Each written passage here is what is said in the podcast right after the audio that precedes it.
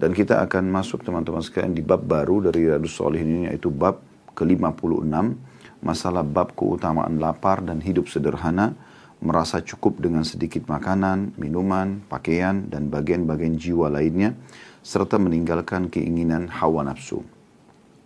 Sebelum jauh menjelaskan dalil-dalil yang tulis oleh Imam Nawawi rahimahullah, di sini bukan berarti dianjurkan seseorang muslim itu lapar. Bukan itu yang dimaksudkan.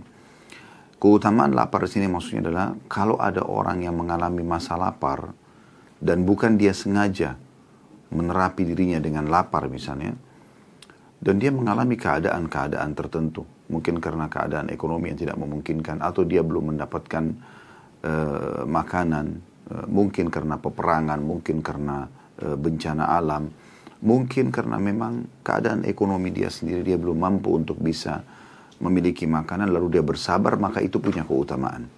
Jadi perlu digarisbawahi dan dibatasi dulu makna daripada bab ini tentunya. Dan masuk dalam hidup sederhana maksudnya hidup yang tidak mubazir dan berlebihan.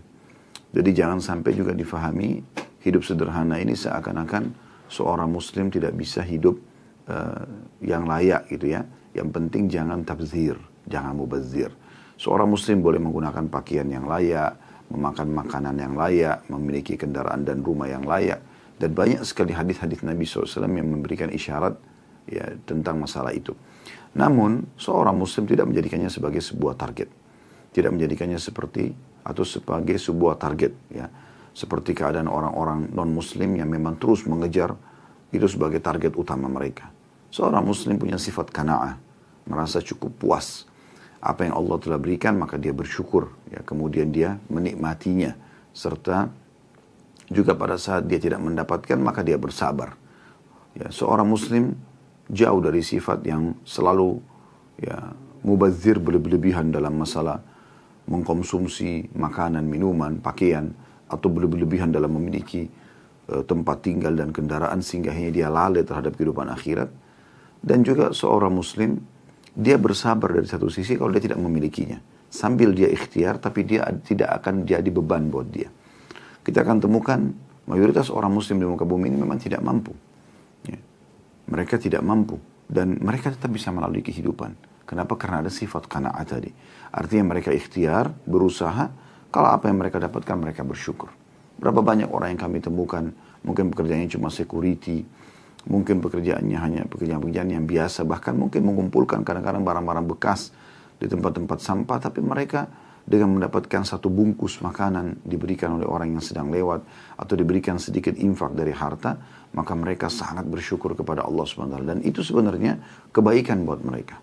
Karena ada sebuah hadis yang disebutkan oleh Nabi SAW, sehingga saya disahihkan oleh para ulama hadis ini, kata Nabi SAW Allah berfirman dalam hadis Qudsi, kepada para malaikat, lapangkan rezekinya hambaku fulan, karena kalau kau lapangkan, maka dia akan bersyukur.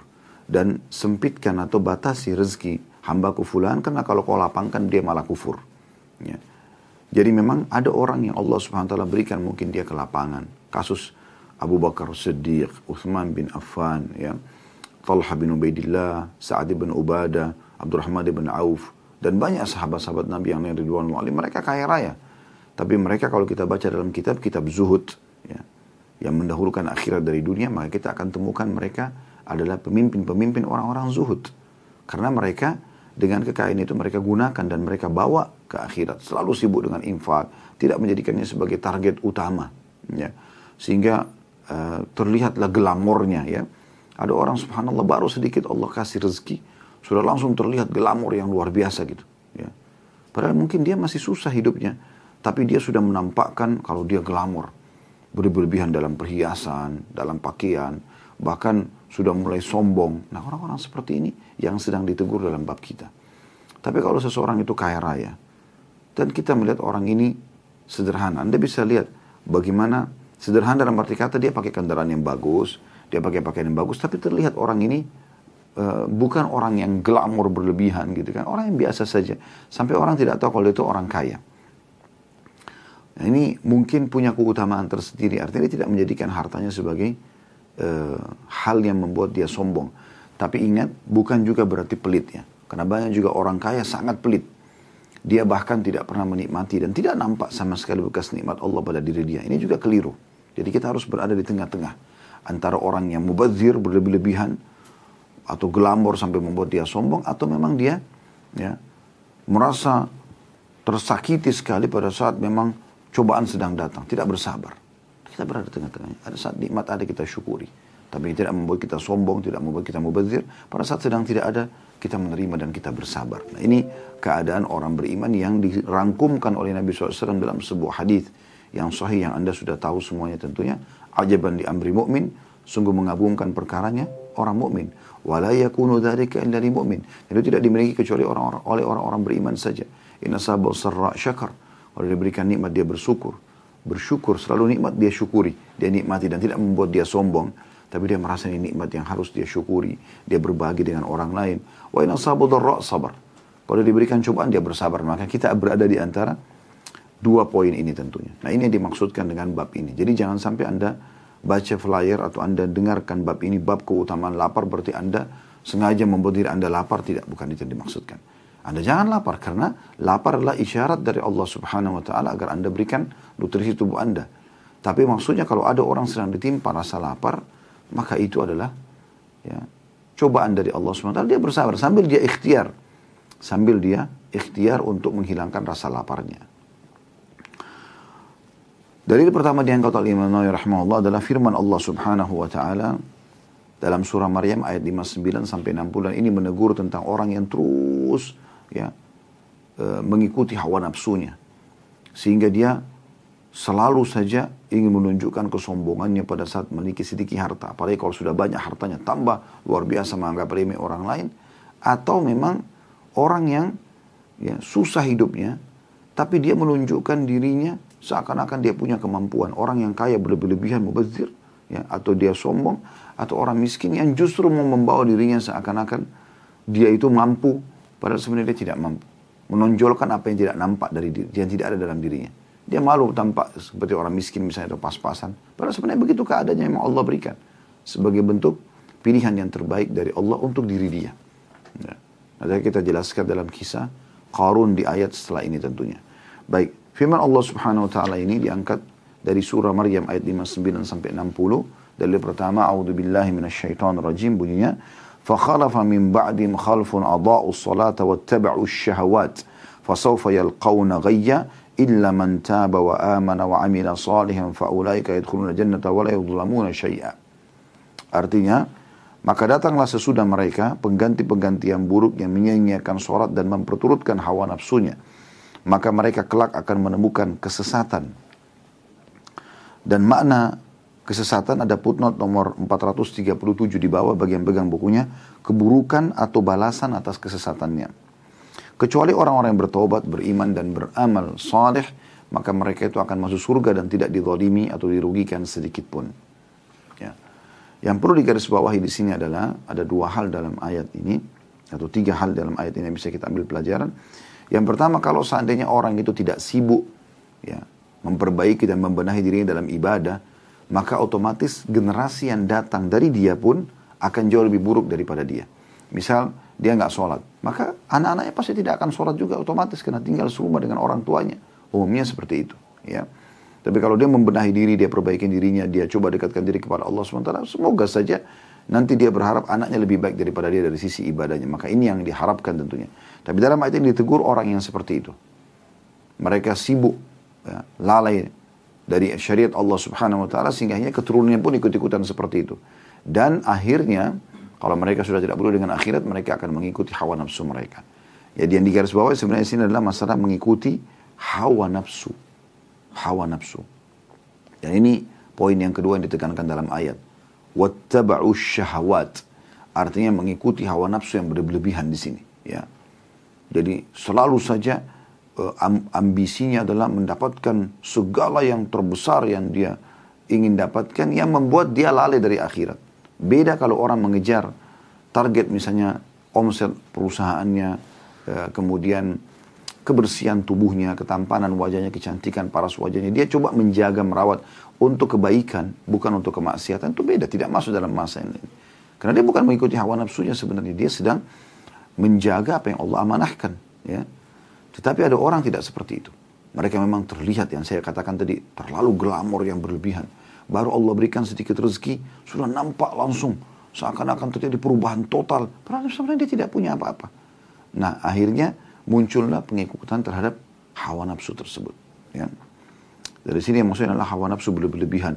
Jadi selalu kalau setiap hari makan, ya harus walaupun kulinernya jauh di luar negeri safar gara-gara untuk kuliner itu. Ini berlebihan.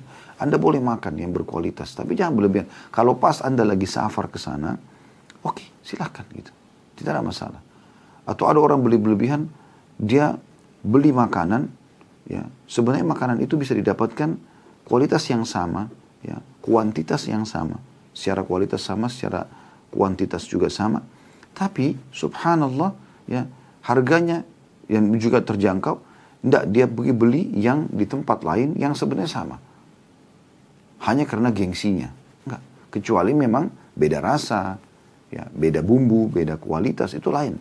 Tapi kalau tidak, hanya karena gengsi. Ya. Oh, saya nggak mungkin makan di sana, saya harusnya makan di sini. Dan seterusnya, maka ini jadi masalah. Atau membawa dia pada kesombongan. Akhirnya menganggap remeh, mencibir orang lain, ya, melirik sebelah mata dengan maksudnya menghina orang tersebut. Ini, ya. Ada orang begitu, subhanallah, baru diberikan kekayaan sudah luar biasa buka jendela mobilnya aja tidak mau pada saat dia menyapa atau disapa oleh orang-orang di sekitarnya. Saya pernah subhanallah naik kendaraan dengan seorang pejabat pemerintah kita. Masya Allah dia minta sama saya, Ustaz, bisa nggak diturunkan kacanya? Saya turunkan kacanya. Karena beliau juga turunkan kaca gitu. Dia bilang, saya terbiasa menyapa masyarakat sepanjang jalan saya jalan. Ya, kecuali mungkin dalam kondisi hujan yang tidak memungkinkan gitu. Maka beliau setiap saat lewat memberikan isyarat dengan tangan. Itu salah satu bentuk tawadu yang sangat baik gitu. Ya. Artinya ini ijtihad dari beliau ya, tapi saya melihat ini Masya Allah dia coba melatih dirinya agar tidak membuat jabatannya itu membuat dia sombong atau menganggap remeh orang. Ada orang subhanallah begitu dapat jabatan, udah nggak pernah kelihatan lagi. Ya. Nggak pernah nampak lagi kepada bawahan-bawahannya. Bahkan ada sebagian orang non muslim, tapi saya dapat informasi begitu. Mereka begitu punya building atau apa, di, di, ditekankan oleh dukun-dukun mereka, ya, karena ini orang-orang yang jauh dari agama Islam tentunya. Dan mereka ber, berkeyakinan waktu itu atau diberikan isyarat oleh dukunnya kalau kamu melihat pegawai ya terendah di kantormu maka akan hilang semua hartamu. Maka dia tidak mau ketemu sama OB-nya, tidak mau ketemu sama security. Tutup semua kaca, dia langsung ada akses jalan sendiri dan segala macam.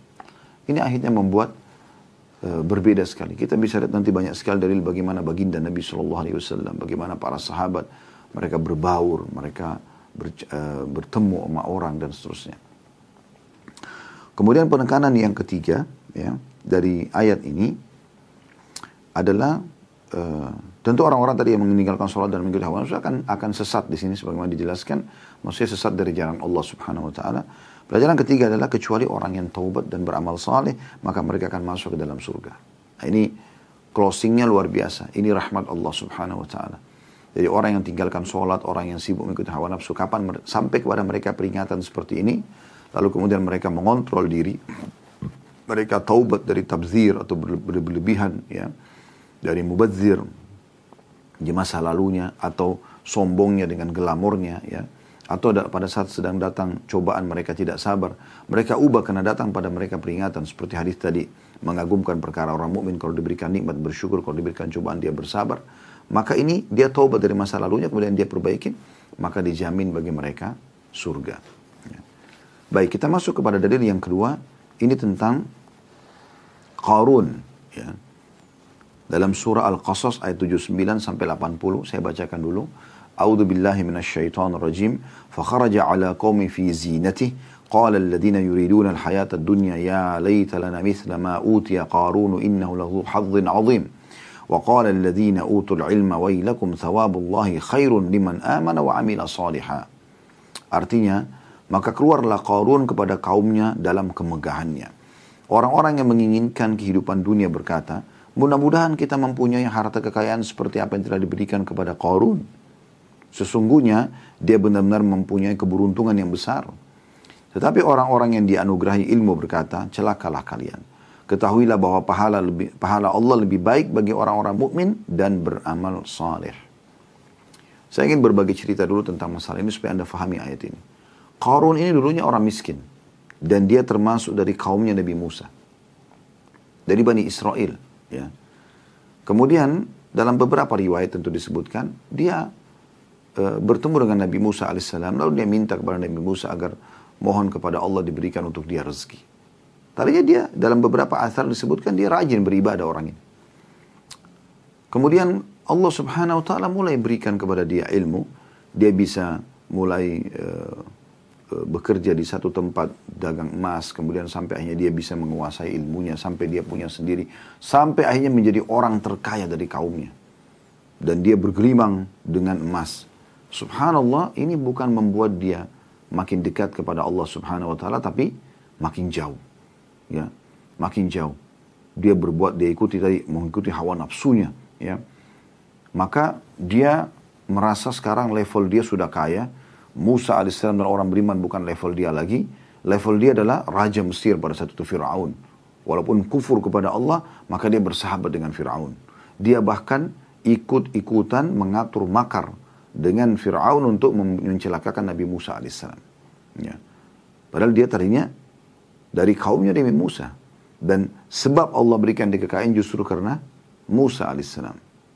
Nah ini sebabnya kenapa dalam ayat ini diceritakan pada saat dia keluar ke kaumnya, maksudnya di Bani Israel.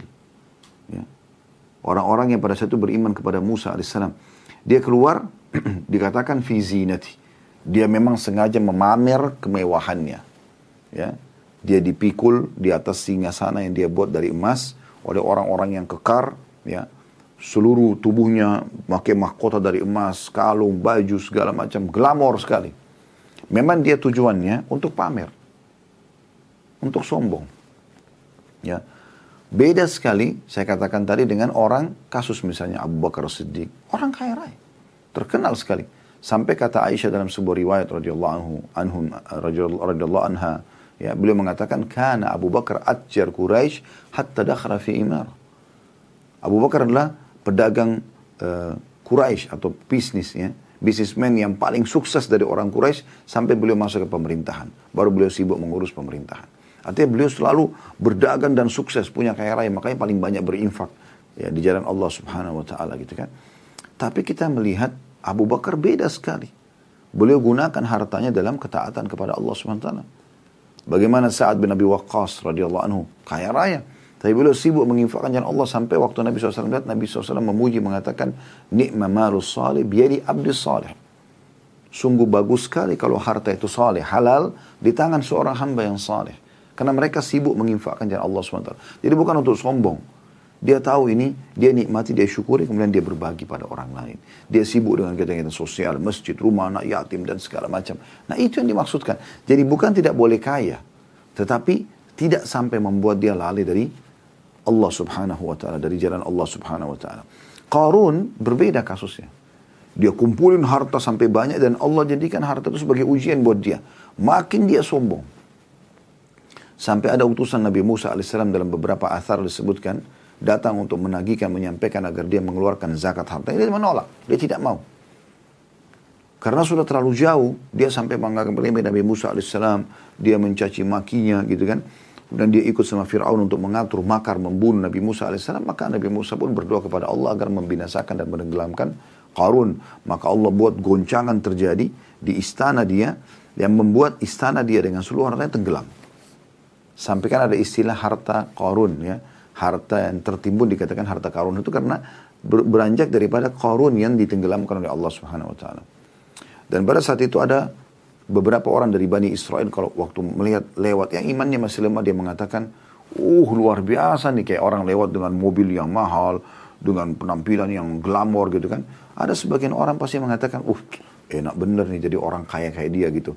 Kayak gini-gini bisa tampil. Niatnya untuk sombong seperti dia. Perhatikan di sini masalah niatnya.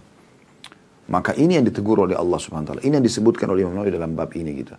Tapi kalau orang melihat orang lain kaya Allah berikan dia kenikmatan. Lalu dia mengatakan, kalau seandainya, dan orang itu soleh, orang itu gunakan untuk rumah anak yatim, masjid, kegiatan-kegiatan sosial, bantu orang susah. Dia pun menikmati ya. Lalu dia mengatakan, kalau seandainya saya punya harta yang sama, maka saya akan buat, ini punya keutamaan. Ini berbeda sekali dengan kasus korun. Mudah-mudahan ini bisa difahami perbedaannya. Karena ada sebuah hadis Nabi SAW berbunyi, berbunyi manusia itu empat. Yang pertama yang terbaik adalah yang Allah karuniai ilmu dan harta. Dia punya ilmu agama, dia juga punya harta yang melimpah. Lalu dia habiskan keduanya di jalan Allah. Sibuk mengajar, sibuk juga bersedekah. Kemudian golongan yang kedua adalah yang Allah karuniai ilmu, tahu ilmu agama tapi tidak punya harta. Apa yang terjadi? Nabi SAW berikan sini gambaran. Dia berkata, ya, ya Allah seandainya engkau berikan aku harta seperti si fulan. Golongan pertama yang sibuk ya bersedekah dengan hartanya. Karena dia punya ilmu, dia tahu. Maka aku akan mengerjakan yang sama. Kata Nabi SAW, fahuma fi ajri sawa. Maka dua orang ini sama pahalanya. Ya. Kemudian ada golongan yang ketiga, yang Allah berikan harta tapi tanpa ilmu. Lalu dihabiskan di jalan maksiat kepada Allah, diskotik, bar, segala macam. Lalu datang golongan keempat yang paling buruk tidak diberikan harta dan ilmu. Lalu kemudian dia berkata, bukan dia contohin golongan pertama sama kedua, tapi dia dia bilang kalau seandainya saya diberikan seperti yang diberikan golongan ketiga nih, yang sibuk dengan harta ya, tapi dihabiskan di jalan maksiat, maka saya akan buat yang sama. Kata Nabi SAW golongan ketiga sama empat ini fahuma fi wazri sawa, maka mereka sama dosanya. Oleh karena itu ini berbeda sekali. Kalau anda lihat ada orang kaya sibuk menginfakkan hartanya itu adalah positif. Itu bagian daripada ajaran agama kita gitu. Ya. Dalam sebuah hadis yang lain kata Nabi SAW, Inna Allah yuhibbu al-ghaniyyu, uh, at-taqiyyul ghaniyul khafi. Allah sangat suka hambanya yang suka bertakwa, patuh kepada Allah, mengerjakan perintah, menikmati halal, meninggalkan larangan, kaya, ghani, dan juga khafi, suka merahasiakan amal solehnya. Ya. Itu punya keutamaan. Tapi Qarun berbeda sekali. Dia dengan hartanya malah dia sombong, malah dia pamer, malah dia uh, apa namanya jauh dari jalan Allah Subhanahu wa taala. Ya. Maka pada saat itu Allah binasakan dia, Allah tenggelamkan seluruh hartanya dengan dia juga gitu kan. Ada sebagian orang Bani Israel pada saat dia tampil mengatakan, oh coba kami diberikan seperti ini. Niatnya sama dengan Korun, bukan niat orang kaya soleh yang berinfak, bukan. Kalau itu kan positif tadi ya. Maka berkatalah orang-orang yang diberikan ilmu di situ, qala alladziina utul ilma yang mendapatkan ilmu dari Taurat dari Nabi Musa alaihissalam sudah faham ini urusan dunia saja gitu ya kalau ada nikmat maka digunakan dalam ketaatan bukan seperti ini sombong-sombongan dan glamor gitu dan mereka mengingatkan orang-orang yang di sekitarnya yang juga miskin yang berharap seperti punya harta seperti Qarun dan sombong seperti Qarun wailakum kenapa kalian ini kok ngomongnya begitu Thawabullahi khairun liman amana wa amila salihah. Ketahuilah balasan di sisi Allah lebih baik bagi orang yang beriman dan beramal saleh. Ya. Maka itu untuk ada lanjutan ayat ini ya. Diceritakan setelah itu Allah SWT tenggelamkan Qarun. Maka berkatalah orang-orang yang kemarin berkata seperti itu coba diberikan seperti Qarun. Ya, mereka malah bersyukur tidak diberikan seperti yang diberikan Qarun karena khawatir kalau niatnya sama maka akan ditenggelamkan. Tenggelamkan. Dan pada saat itu ada beberapa orang Bani Israel sempat menggali di titik yang mereka anggap tadinya mereka tahu itu adalah istananya Qarun dan tenggelam. Allah belah bumi Allah tenggelamkan semua.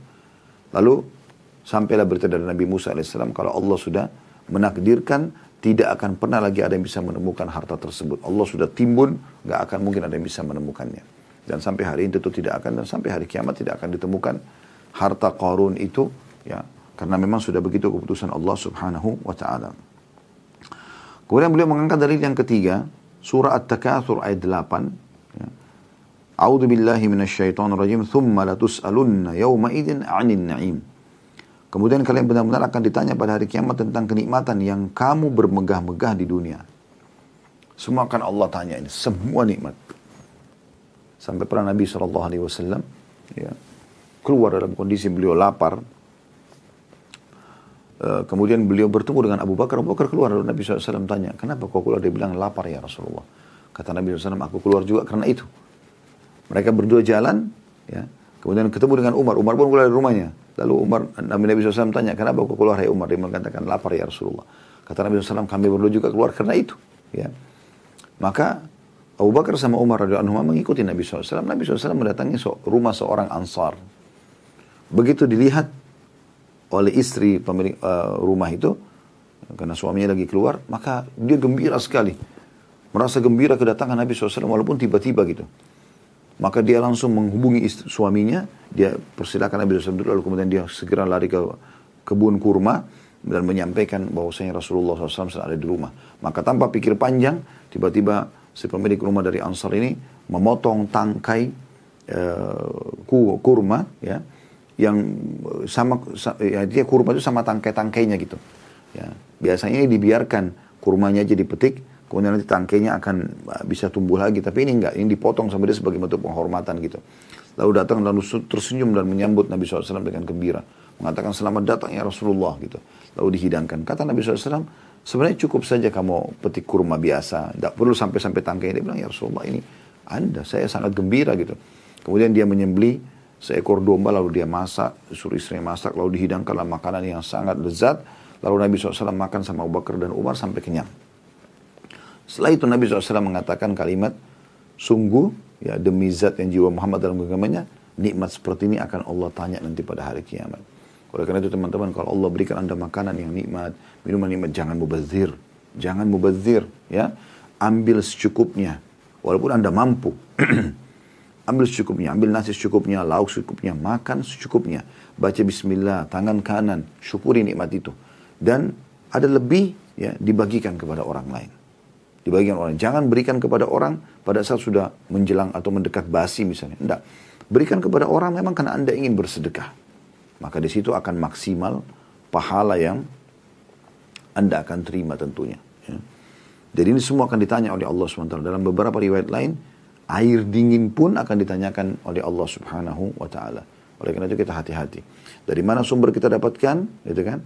Dan juga pada saat kita konsumsi, ya kita jalankanlah hak Allah. Eh, perintah Allah swt membaca Bismillah ya makan secukupnya gitu kan. Kalau ada lebih berbagi pada orang tidak mubazir. Ya saya melihat kadang-kadang ada orang yang Allah limpahkan rezeki pada mereka mubazirnya luar biasa gitu. Makanan-makanan masih bagus dibuang semuanya gitu kan. Nah ini teman-teman yang punya restoran hati-hati.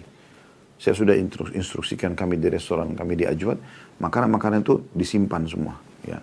Yang yang sisa itu nanti kita akan uh, bungkus dengan rapi ya dan kita bisa berikan kepada orang-orang. Tentu yang yang belum rusak gitu ya. ya. Ini jangan mubazir.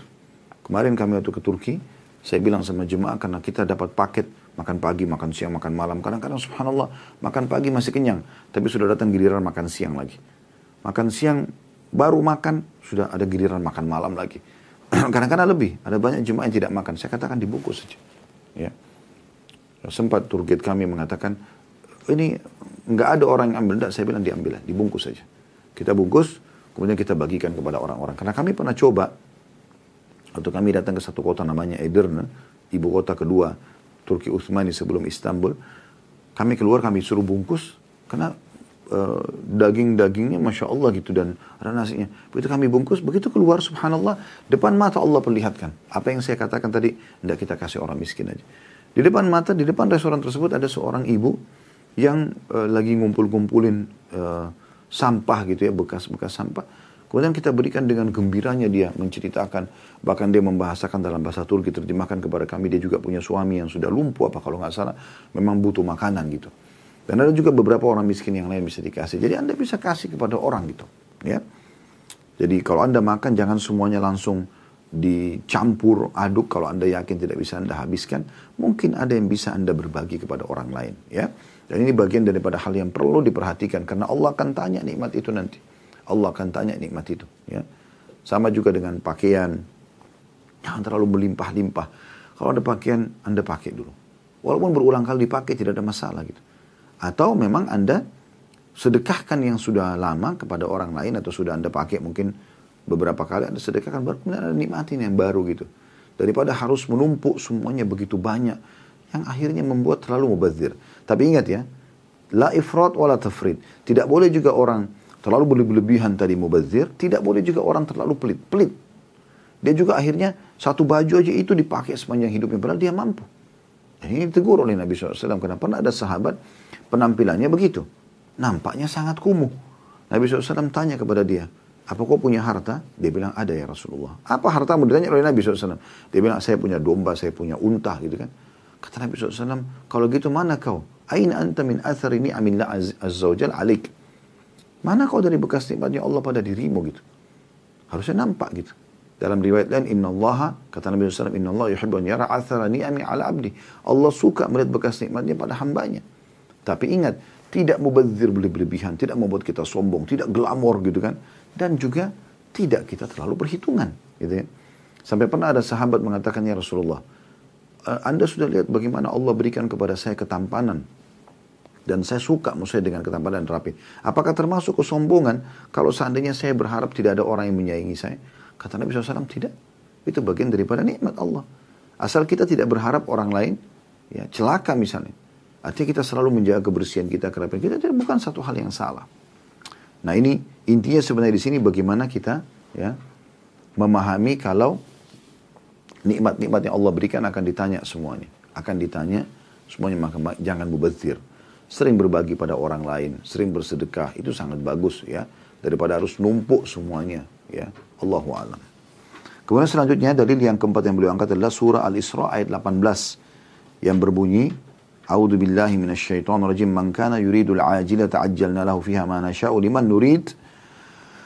Saya ulangi, man kana yuridul ajila ta'ajjalna lahu fiha ma nasha'u liman nuridu thumma ja'alna lahu jahannama yaslaha madhmuman madhura. Barang siapa yang menghendaki kehidupan sekarang duniawi, terus dunia yang dikejar sama dia, berlebihan, bakhil, perhitungan, sedekahnya pun pas-pasan padahal hartanya melimpah, maka kami segerakan baginya di dunia ini apa yang kami kehendaki bagi orang yang kami kehendaki. Kami akan berikan kepada dia. Kemudian kami sediakan baginya neraka jahanam. Dia akan memasukinya dalam keadaan tercela dan terusir. Ya.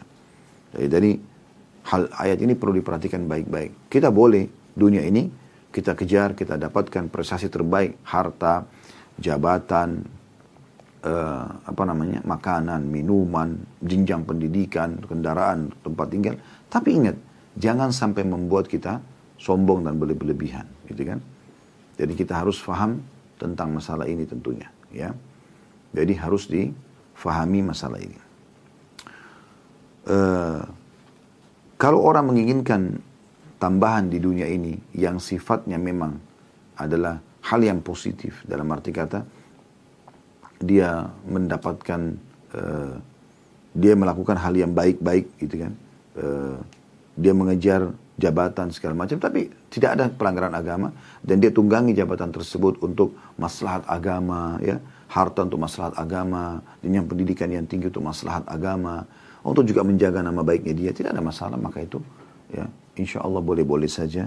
Allahu alam dan kita akan masuk teman-teman sekalian setelah beliau mengatakan ayat-ayat dalam bab ini sangat banyak dan dikenal beliau masuk ke hadis pertama dalam bab kita ini dan hadisnya urutan 496 dari awal belajar. Berbunyi dari Aisyah radhiyallahu anha, beliau berkata, "Ma syabi'a alu Muhammadin sallallahu alaihi wasallam min khubsin sya'irin yawmaini mutatabi'aini hatta qubid." Artinya keluarga Muhammad wasallam tidak pernah merasa kenyang dengan roti jawawut selama dua hari berturut-turut sampai beliau meninggal dunia. Hadis ini muttafaqun alaih itu diriwayatkan oleh Bukhari dan Muslim. Dalam dalam riwayat yang lain, beliau radhiyallahu anha berkata, "Ma syabi'a alu Muhammadin sallallahu alaihi wasallam mundu qadimal Madinata min ta'amil burri thalatha layalin tiba'an hatta qubit." Keluarga Muhammad SAW tidak pernah kenyang dari makanan gandum selama tiga malam berturut-turut semenjak beliau tiba di Madinah hingga wafat. Riwayat ini adalah riwayat yang pertama diangkat oleh Imam Nawawi rahimahullah dalam bab hidup sederhana. Ya. Kita coba masuk dulu dalam global makna daripada kedua buah riwayat ini. Ummul Mukminin Aisyah radhiyallahu anha menggambarkan tentang salah satu kondisi yang dihadapi atau dilalui oleh beliau bersama dengan Nabi SAW dan istri-istri Nabi Ridwanullah alaihinna yang lain tentunya ya. Yaitu beliau mengatakan dalam riwayat pertama keluarga Muhammad sallallahu alaihi wasallam. Istri-istri beliau karena Aisyah menceritakan istri-istri beliau tentu juga dengan eh, anak-anak uh, beliau. Tapi di sini yang lebih khusus adalah beliau sallallahu alaihi wasallam dengan para istrinya yang serumah gitu kan tidak pernah merasa kenyang dengan roti jawawat selama dua hari berturut-turut sampai beliau meninggal dunia. Riwayat yang kedua adalah keluarga Muhammad SAW tidak pernah kenyang dari makanan di gandum selama tiga malam berturut-turut semenjak beliau tiba di kota Madinah hingga wafat. Maknanya adalah Nabi Wasallam ya uh, membiasakan diri dan juga keluarganya agar hidup sederhana, hidup sederhana. Kalaupun sampai makan, maka tidak sampai kenyang yang berlebihan. Sa tidak sampai kenyang yang berlebihan. Dan di sini makna riwayat ini adalah sampai beliau di ya diwafatkan ini berarti maknanya adalah 10 tahun terakhir di kota Madinah. Dan di saat itu justru puncak-puncak kekayaan kaum muslimin. Maksudnya keadaan muslimin sudah berbeda dengan kondisi di Mekah. Nabi SAW sudah memiliki harta, memiliki perkebunan, ya, memiliki rumah sendiri SAW dan masing-masing istri juga punya bilik-bilik masing-masing atau rumah masing-masing. ya. Tapi di situ Nabi SAW melatih diri beliau dan keluarga beliau agar kalau makan tidak sampai kenyang. Di sini maksudnya berlebih-lebihan. Ya Bukan tidak boleh makan sampai kenyang karena makan orang sampai merasa cukup atau kenyang bisa gitu kan. Tetapi ada orang yang berlebihan. Walaupun sudah perutnya kembung, tetap saja dia paksakan makan gitu. Ya. Dan sibuk dari makan ke makan yang lain. Padahal sifat orang beriman tidak seperti itu. Makna umumnya hadis adalah bahwasanya orang makan yang ada. Dia makan. Kalaupun sampai ada makanan paling sederhana, roti jawawut di sini atau gandum dari gandum, maka itu juga tidak sampai membuat mereka kenyang berlebihan. Ya. Jadi makna hadis ini bukan berarti sebagaimana kita jelaskan di awal penjelasan bab ya, bukan berarti lebih utama orang lapar, tidak. Ya. Tapi Nabi SAW sedang menjalankan terapi ini di rumah beliau dan bersama dengan keluarga beliau karena beliau mampu sebenarnya, bukan tidak mampu. Saya sudah katakan tadi 10 tahun terakhir di kota Madinah. Karena di sini dikatakan, Mundu kadimal Madinah. Semenjak hadir di kota Madinah. Berarti 10 tahun masa kenabian beliau SAW. Dan di saat itu, sudah ada perang Badr yang muslimin memenangkan peperangan. Dan ada harta rampasan perang. Kemudian juga ada banyak peperangan-peperangan yang lain. Dan juga makmur kaum muslimin. ya Pasar-pasar di Madinah hidup. Mereka hidup perekonomian yang ada pada saat itu dan mulai ada peradaban Islam, mulai ada peraturan-peraturan Islam, negara Islam kalau kita bisa bahasakan gitu kan. Tapi di sini Nabi SAW melatih diri beliau dan keluarga beliau agar tidak sampai makan kenyang berlebihan. Ya, jadi dikatakan di sini dua hari atau tiga hari tidak sampai kenyang. Maksudnya di sini laparnya hilang, bukan dalam kondisi lapar, tapi tidak sampai kenyang berlebihan, gitu kan? Dan Nabi SAW membiasakan memakan makanan yang ada. Bukan memaksakan diri untuk menandakan makanan yang tidak ada. Walaupun beliau mampu sebenarnya, tapi beliau memakan makanan yang ada. Dan itu prinsip dasar dari awal kita bahas bab ini ya. Jadi boleh makan yang berkualitas, boleh minum berkualitas, tapi ingat teman-teman sekalian, ada batasan kita. Yaitu batasannya kita makan ya tidak berlebihan. Tidak juga untuk sombong-sombong. Di sini berlebihan maksud dalamnya tabzir, mubazir ya, membuang-buang makanan segala macam, tidak boleh gitu. Tapi kalau ada kita makan dan kita syukuri. Sudah kita jelaskan tadi di sesi awal kita sebelum sholat duhur tadi, bagaimana memang kita harus bisa mengatur berada di antara la ifrat wala tafrid, tidak berlebihan, tidak juga terlalu perhitungan, ya, seperti itu. Dari hadis ini kita ambil pelajaran yang pertama, bagaimana uh, Aisyah radhiyallahu anhu ini menggambarkan pola hidup Nabi Shallallahu alaihi wasallam di mana beliau punya kemampuan, tapi beliau Shallallahu Alaihi Wasallam hidup sederhana dan menerapi diri beliau dan keluarga beliau agar tidak sampai kenyang berlebihan. Tentu sampai batas kenyang awal, artinya merasa cukup itu sudah tidak ada masalah dari pelanggaran. Tapi kalau ada orang Subhanallah sampai susah bernafas, masih saja diisi lagi makan ini, minum itu, sampai sudah nggak bisa berdiri, sampai kadang-kadang tertidur di tempat makan karena uh, kenyangnya, ya. Nah ini yang berlebihan, ini yang tidak boleh tentunya. Jadi ini terapi sebenarnya. Pelajaran pertama dari hadis yang bisa kita ambil adalah bagaimana Ummumin Aisyah menggambarkan pola hidup Nabi SAW sebagai seorang istri ya, dan menggambarkan ini bukan menceritakan aib rumah tangga beliau tidak justru ini menjelaskan bagaimana Nabi SAW di masa masa keemasan beliau 10 tahun di kota Madinah beda dengan 13 tahun awal dakwah di Mekah yang penuh dengan penindasan dan segala macam tapi kondisinya malah sudah punya negara sudah punya perekonomian, peradaban, militer, tapi beliau malah hidup dengan pola seperti ini, gitu kan? Kemudian yang kedua yang bisa diambil pelajaran daripada hadis ini adalah bagaimana ada penggambaran tentang min khubz min khubzin syairin ya. dari riwayat yang pertama. Riwayat yang kedua gitu kan? Ta'amil bur. Kalau yang pertama adalah dari roti. Roti dari gandum. Kalau yang kedua adalah makanan yang dari gandum Ya. Ini menandakan memang makanan yang paling umum, yang paling sederhana, ya, yang bisa didapatkan pada masa itu adalah makanan ini. roti kan hampir semua orang makan roti gitu kan atau makanan yang mungkin bersifat seperti bubur atau apa yang dari gandum nah ini yang paling umum orang bisa dapatkan karena gandum yang uh, serbuk ya itu tinggal diseduh dengan air panas atau dimasak dengan air panas sudah bisa menjadi makanan yang mengenyangkan gitu dan ini sebenarnya menggambarkan tentang makanan yang sederhana pun tidak sampai membuat kami kenyang ya berlebihan yang akhirnya membuat lalai dari ibadah kepada Allah SWT. Anda tahu bagaimana orang kalau kenyang sekali lalu tidur mungkin Anda akan kelewatan sholat malamnya ataupun uh, kelewatan sholat subuhnya karena termasuk salah satu faktor adalah makan yang sangat berlebihan ya. Dan ini yang bisa diambil daripada hadis. Pelajaran yang ketiga adalah diambil dari uh, potongan hatta kubit sampai Nabi SAW wafat. Ini menandakan berarti pola yang beliau terapkan dalam rumah tangga beliau. Sampai beliau wafat, seperti itu keadaannya. Tidak sampai kenyang yang berlebihan. Hadis yang kedua dari bab kita ini dan urutan 497 dari awal belajar bermula dari Urwah uh, bin Zubair ini ponakan Aisyah radhiyallahu anha dari Aisyah radhiyallahu anha masih dari beliau Ummul Mukminin bahwa beliau berkata wallahi ya bna akhi ya bna ukhti wallahi ya bna ukhti إن كنا لننظر إلى الهلال ثم الهلال ثلاثة أهلة في شهرين وما أوكد في أبيات رسول الله صلى الله عليه وسلم نار قلت يا خالة فما كان يعيشكم؟ قالت الأسودان التمر والماء إلا أنه قد كان لرسول الله صلى الله عليه وسلم جيران من الأنصار وكانت لهم منائح, منائح وكانوا يرسلون إلى رسول الله صلى الله عليه وسلم من albaniha فيسكينا Demi Allah wahai ponakanku, kami pernah melihat hilal awal bulan, kemudian hilal awal bulan lagi, tiga kali hilal dalam dua bulan, sementara di rumah Rasulullah SAW tidak ada api yang dinyalakan. Saya bertanya, wahai bibi, kalau begitu makanan apa yang menghidupi kalian? Dia menjawab, dua yang hitam, yaitu kurma dan air. Hanya saja Rasulullah SAW memiliki tetangga-tetangga dari kaum Ansar, mereka memiliki manihah. Ya.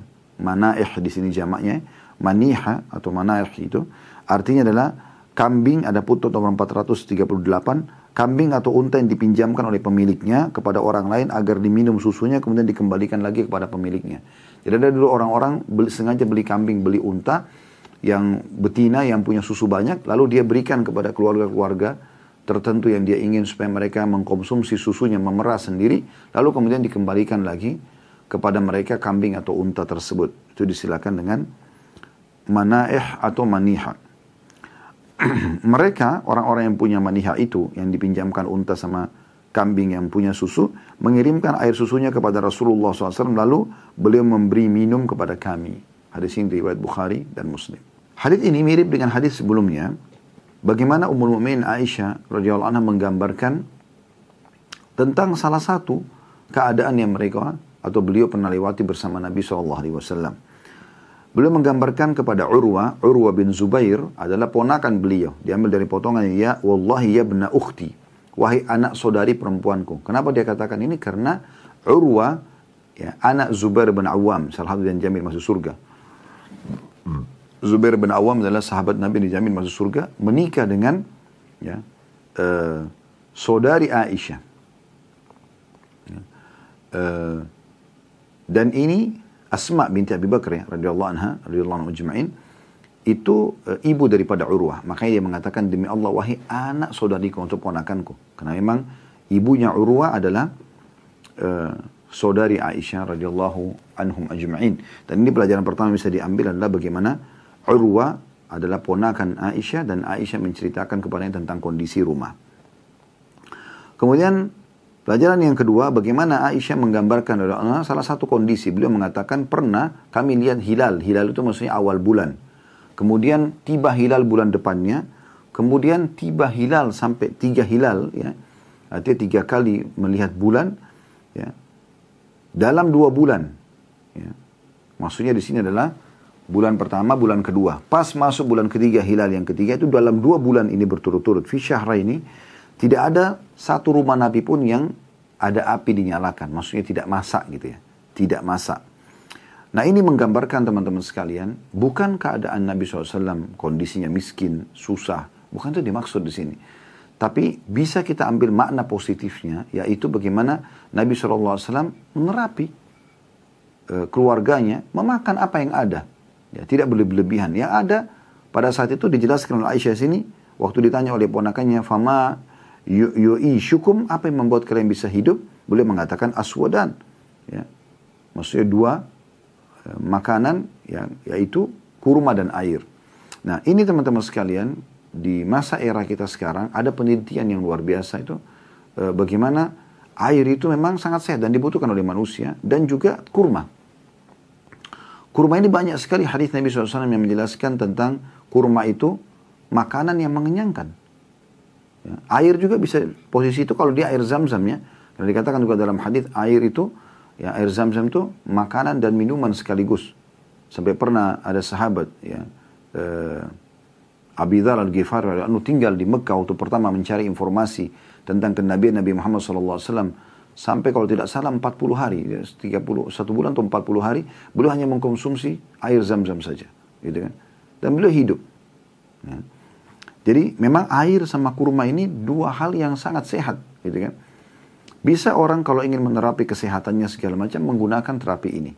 Ya, walaupun secara zahir hadis Aisyah ini menunjukkan kalau pernah di rumah kami, kami tidak masak sama sekali. Ya, bisa difahami juga bahwasanya memang pada saat itu tidak ada makanan. Yang ada cuma air sama rumah dan kami minum itu terus. Tapi kalau kita ingin melihat makna positifnya, yang lebih positif daripada itu adalah bagaimana Nabi SAW mengajarkan keluarganya agar makan yang ada. Yang paling mudah dijangkau adalah air dan kurma. Ya. Dan adanya pembatasan dikatakan fi ini dalam dua bulan artinya bukan terus menerus seperti itu. Tetapi Ya, di bulan ketiga, bulan keempatnya ada makanan. Terbukti Nabi SAW pernah disajikan oleh orang-orang Ansar yang uh, makan tadi disembelikan seekor kambing ya. Saat makan bersama Abu Bakar sama Umar radhiyallahu yang sudah kami jelaskan tadi di sesi awal pengajian kita ini.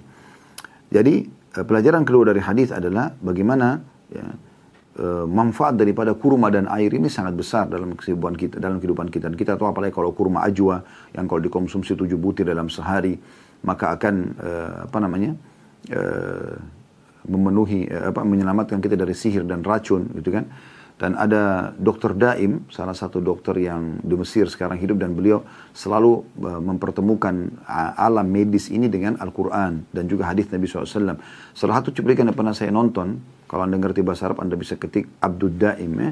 Uh, beliau dokter yang sering menyampaikan penelitiannya dan secara sangat ilmiah. Beliau mengatakan sudah ada penelitian bahwasanya satu butir kurma ya kalau dikonsumsi itu bisa memenuhi sekitar 7% dari kebutuhan uh, nutrisi kita pada hari itu. Artinya kalau kita konsumsi 7 butir ya uh, dalam sehari itu berarti sekitar 49 Eh, persen sebenarnya sudah terpenuhi atau hampir 50 persen terpenuhi kebutuhan kita. Tinggal kita isi dengan sedikit yang lainnya. Berarti menandakan kurma itu sangat luar biasa dari sisi manfaatnya. Ya. Ini kalau saya tidak salah begitu penyampainya beliau yang sampaikan ya. Yang jelas teman-teman sekalian ini penyampaian tentang masalah manfaat daripada kurma dan juga air putih. Ya. Karena itulah yang dipakai hidup oleh Nabi SAW. Selain memang ini yang paling mudah dijangkau pada saat itu air putih memang semua orang bisa dapatkan dan juga kurma itu melimpah sekali di kota Madinah. Jadi saking banyaknya kurma sampai-sampai ya uh, satu-satunya mungkin pada saat itu di Jazirah Arab yang memberikan unta mereka pun makan kurma itu adalah masyarakat Madinah. Kalau anda ikutin bagaimana uh, Abu Sufyan sampai mengetahui pada saat pasukan muslimin sudah tiba di wilayah Badr itu karena mereka melihat ada kotoran unta yang di dalamnya ada biji-biji kurma. Akhirnya di situ dia tahu, dia mengatakan dalam buku-buku sejarah tidak ada yang memberikan kurma eh, tidak ada yang memberikan unta mereka makan kurma karena kurma itu dianggap di kota-kota lain yang eh, jarang memiliki pohon kurma ataupun ada memiliki tapi tidak banyak hasilnya seperti kota Madinah mereka tidak memberikan kepada hewan-hewan mereka mereka makan eh, untuk orang untuk manusia gitu tapi di masyarakat Madinah memberikan sampai ke unta-unta mereka akhirnya Abu Sufyan mengetahui kalau ini adalah kotoran untanya muslimin yang dari Madinah karena ada biji kurma di situ. Jadi seperti itu keadaannya ya, kondisi Madinah pada itu kurma sangat mudah untuk dijangkau ya. Kemudian pelajaran yang ketiga, bagaimana ya keutamaan sahabat Ansar yang memang selalu sibuk untuk memberikan kepada Nabi SAW dan para muhajirin makanan dan minuman. Dan ini tradisi mereka. Allah sudah sebutkan dalam surah Al-Hashr itu ya. Ala anfusihim walau kana bihim khasasa. Mereka suka dengan orang hijrah kepada mereka di Madinah dan juga mereka selalu mendahulukan orang-orang yang datang pendatang itu walaupun mereka sebenarnya butuh. Ya, sampai ada di, antara orang-orang Ansar yang menghibahkan rumahnya dekat rumah Nabi, dekat masjid Nabi SAW dan mereka pindah di pinggiran kota Madinah. Ada yang uh, tidak ada satu rumah pun kecuali ada muhajir. Mereka berusaha memperebutkan muhajir tersebut. Muhajirin maksudnya orang hijrah dari Mekah ya. Agar mereka mendapatkan keberkahan, memberikan makan dan minum gitu kan. Sampai ada muhajir kalau sudah mampu mereka mau keluar, mereka mau keluar dari uh, apa namanya dari rumah orang-orang Ansar, orang-orang Ansar merasa sedih ya karena mereka berharap agar jangan keluar gitu walaupun sudah mampu karena inginnya mereka mendapatkan pahala. Dan salah satu hal yang sering dilakukan oleh orang-orang Ansar mereka membawakan makanan dan minuman kepada Nabi Shallallahu Alaihi Wasallam. Yang paling sering disebutkan itu Sa'ad bin Abu Wada radhiyallahu anhu sering kali beliau mengirimkan makanan baik untuk Nabi Shallallahu Alaihi Wasallam dan juga untuk orang-orang yang ada di Sufa. Sufa itu lokasi yang ada di uh, di belakang rumah Nabi SAW bisa menampung sekitar 300 orang para penuntut ilmu dari kalangan orang-orang miskin sahabat ridwanullahi alaihim ya. Dan dari sini juga kita lihat ada satu uh, pelajaran tambahan mungkin kita katakan yang keempat tadi saya katakan tiga tapi ini yang keempat. Uh, bahwasanya dalam syariat kita dibolehkan dan ini termasuk sedekah yang baik yaitu seseorang meminjamkan ya, hewan uh, unta atau uh, sapi ya.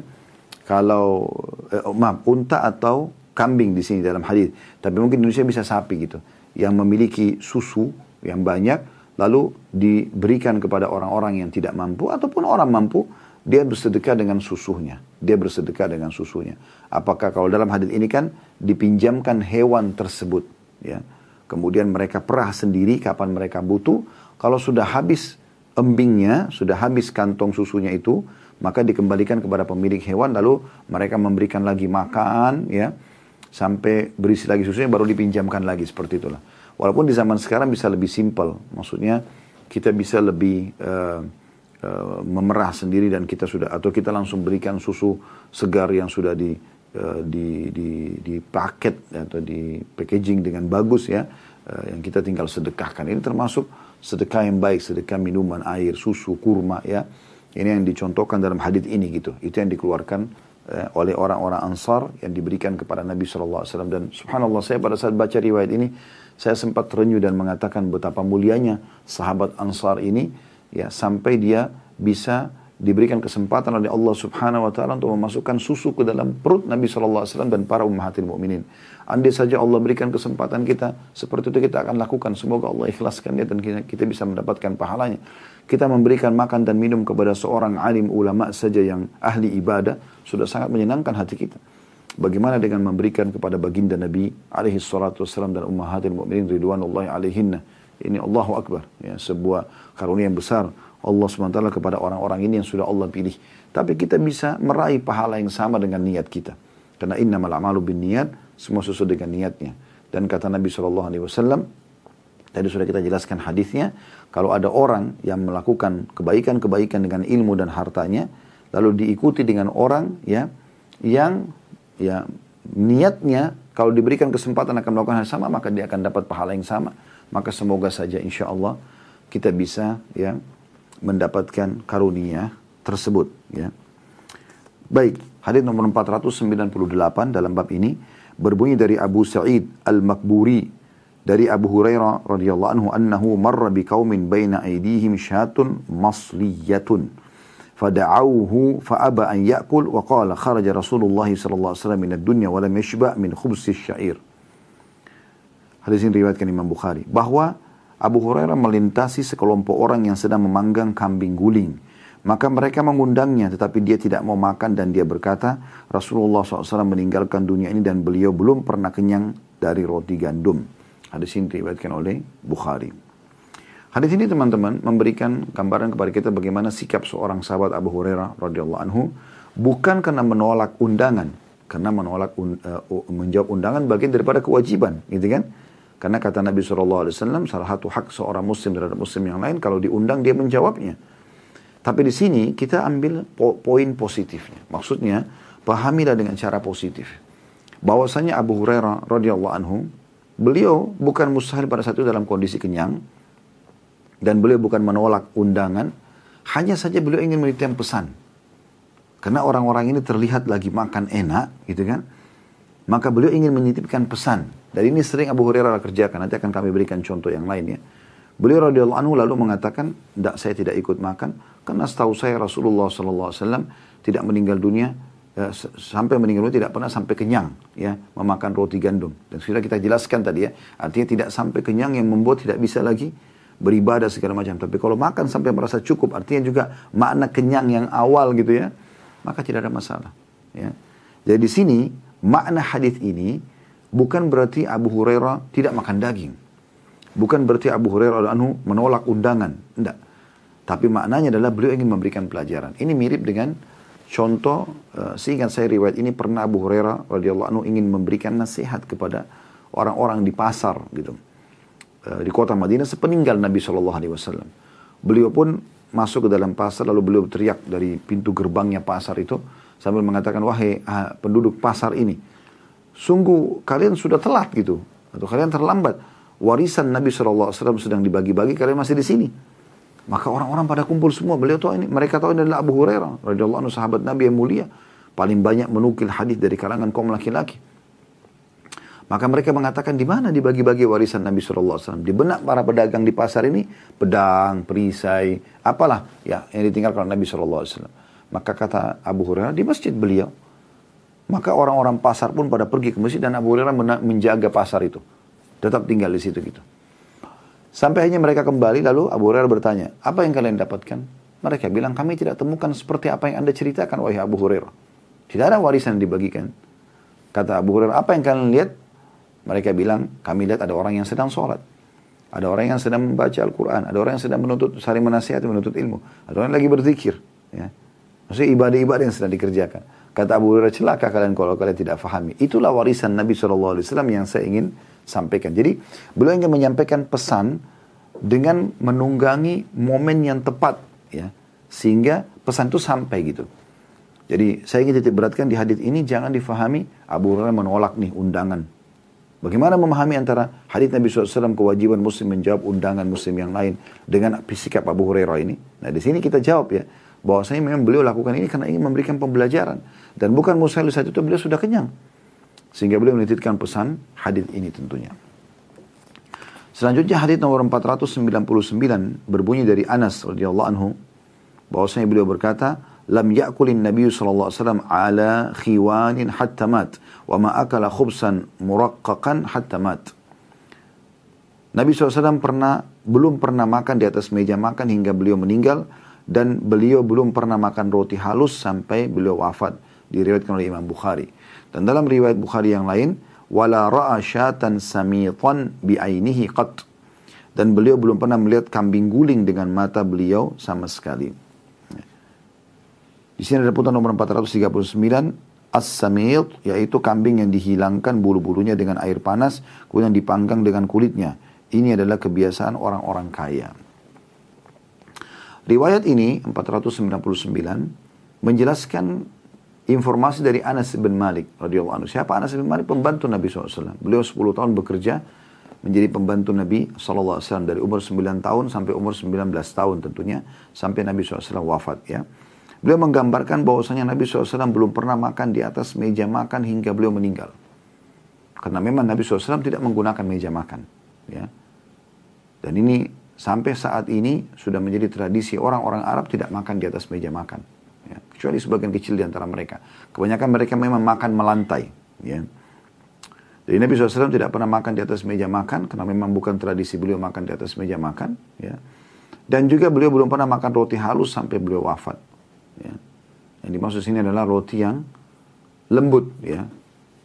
Allahu alam maknanya seperti apa tapi yang jelas di sini Anas bin Malik ini menggambarkan bagaimana kehidupan Nabi SAW yang sederhana gitu.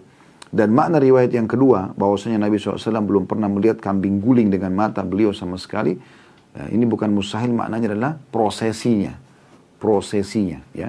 Prosesi kambing yang sedang dibakar atau guling itu yang biasanya di acara orang-orang kaya e, sambil mereka ngobrol sambil dibakar gitu ya.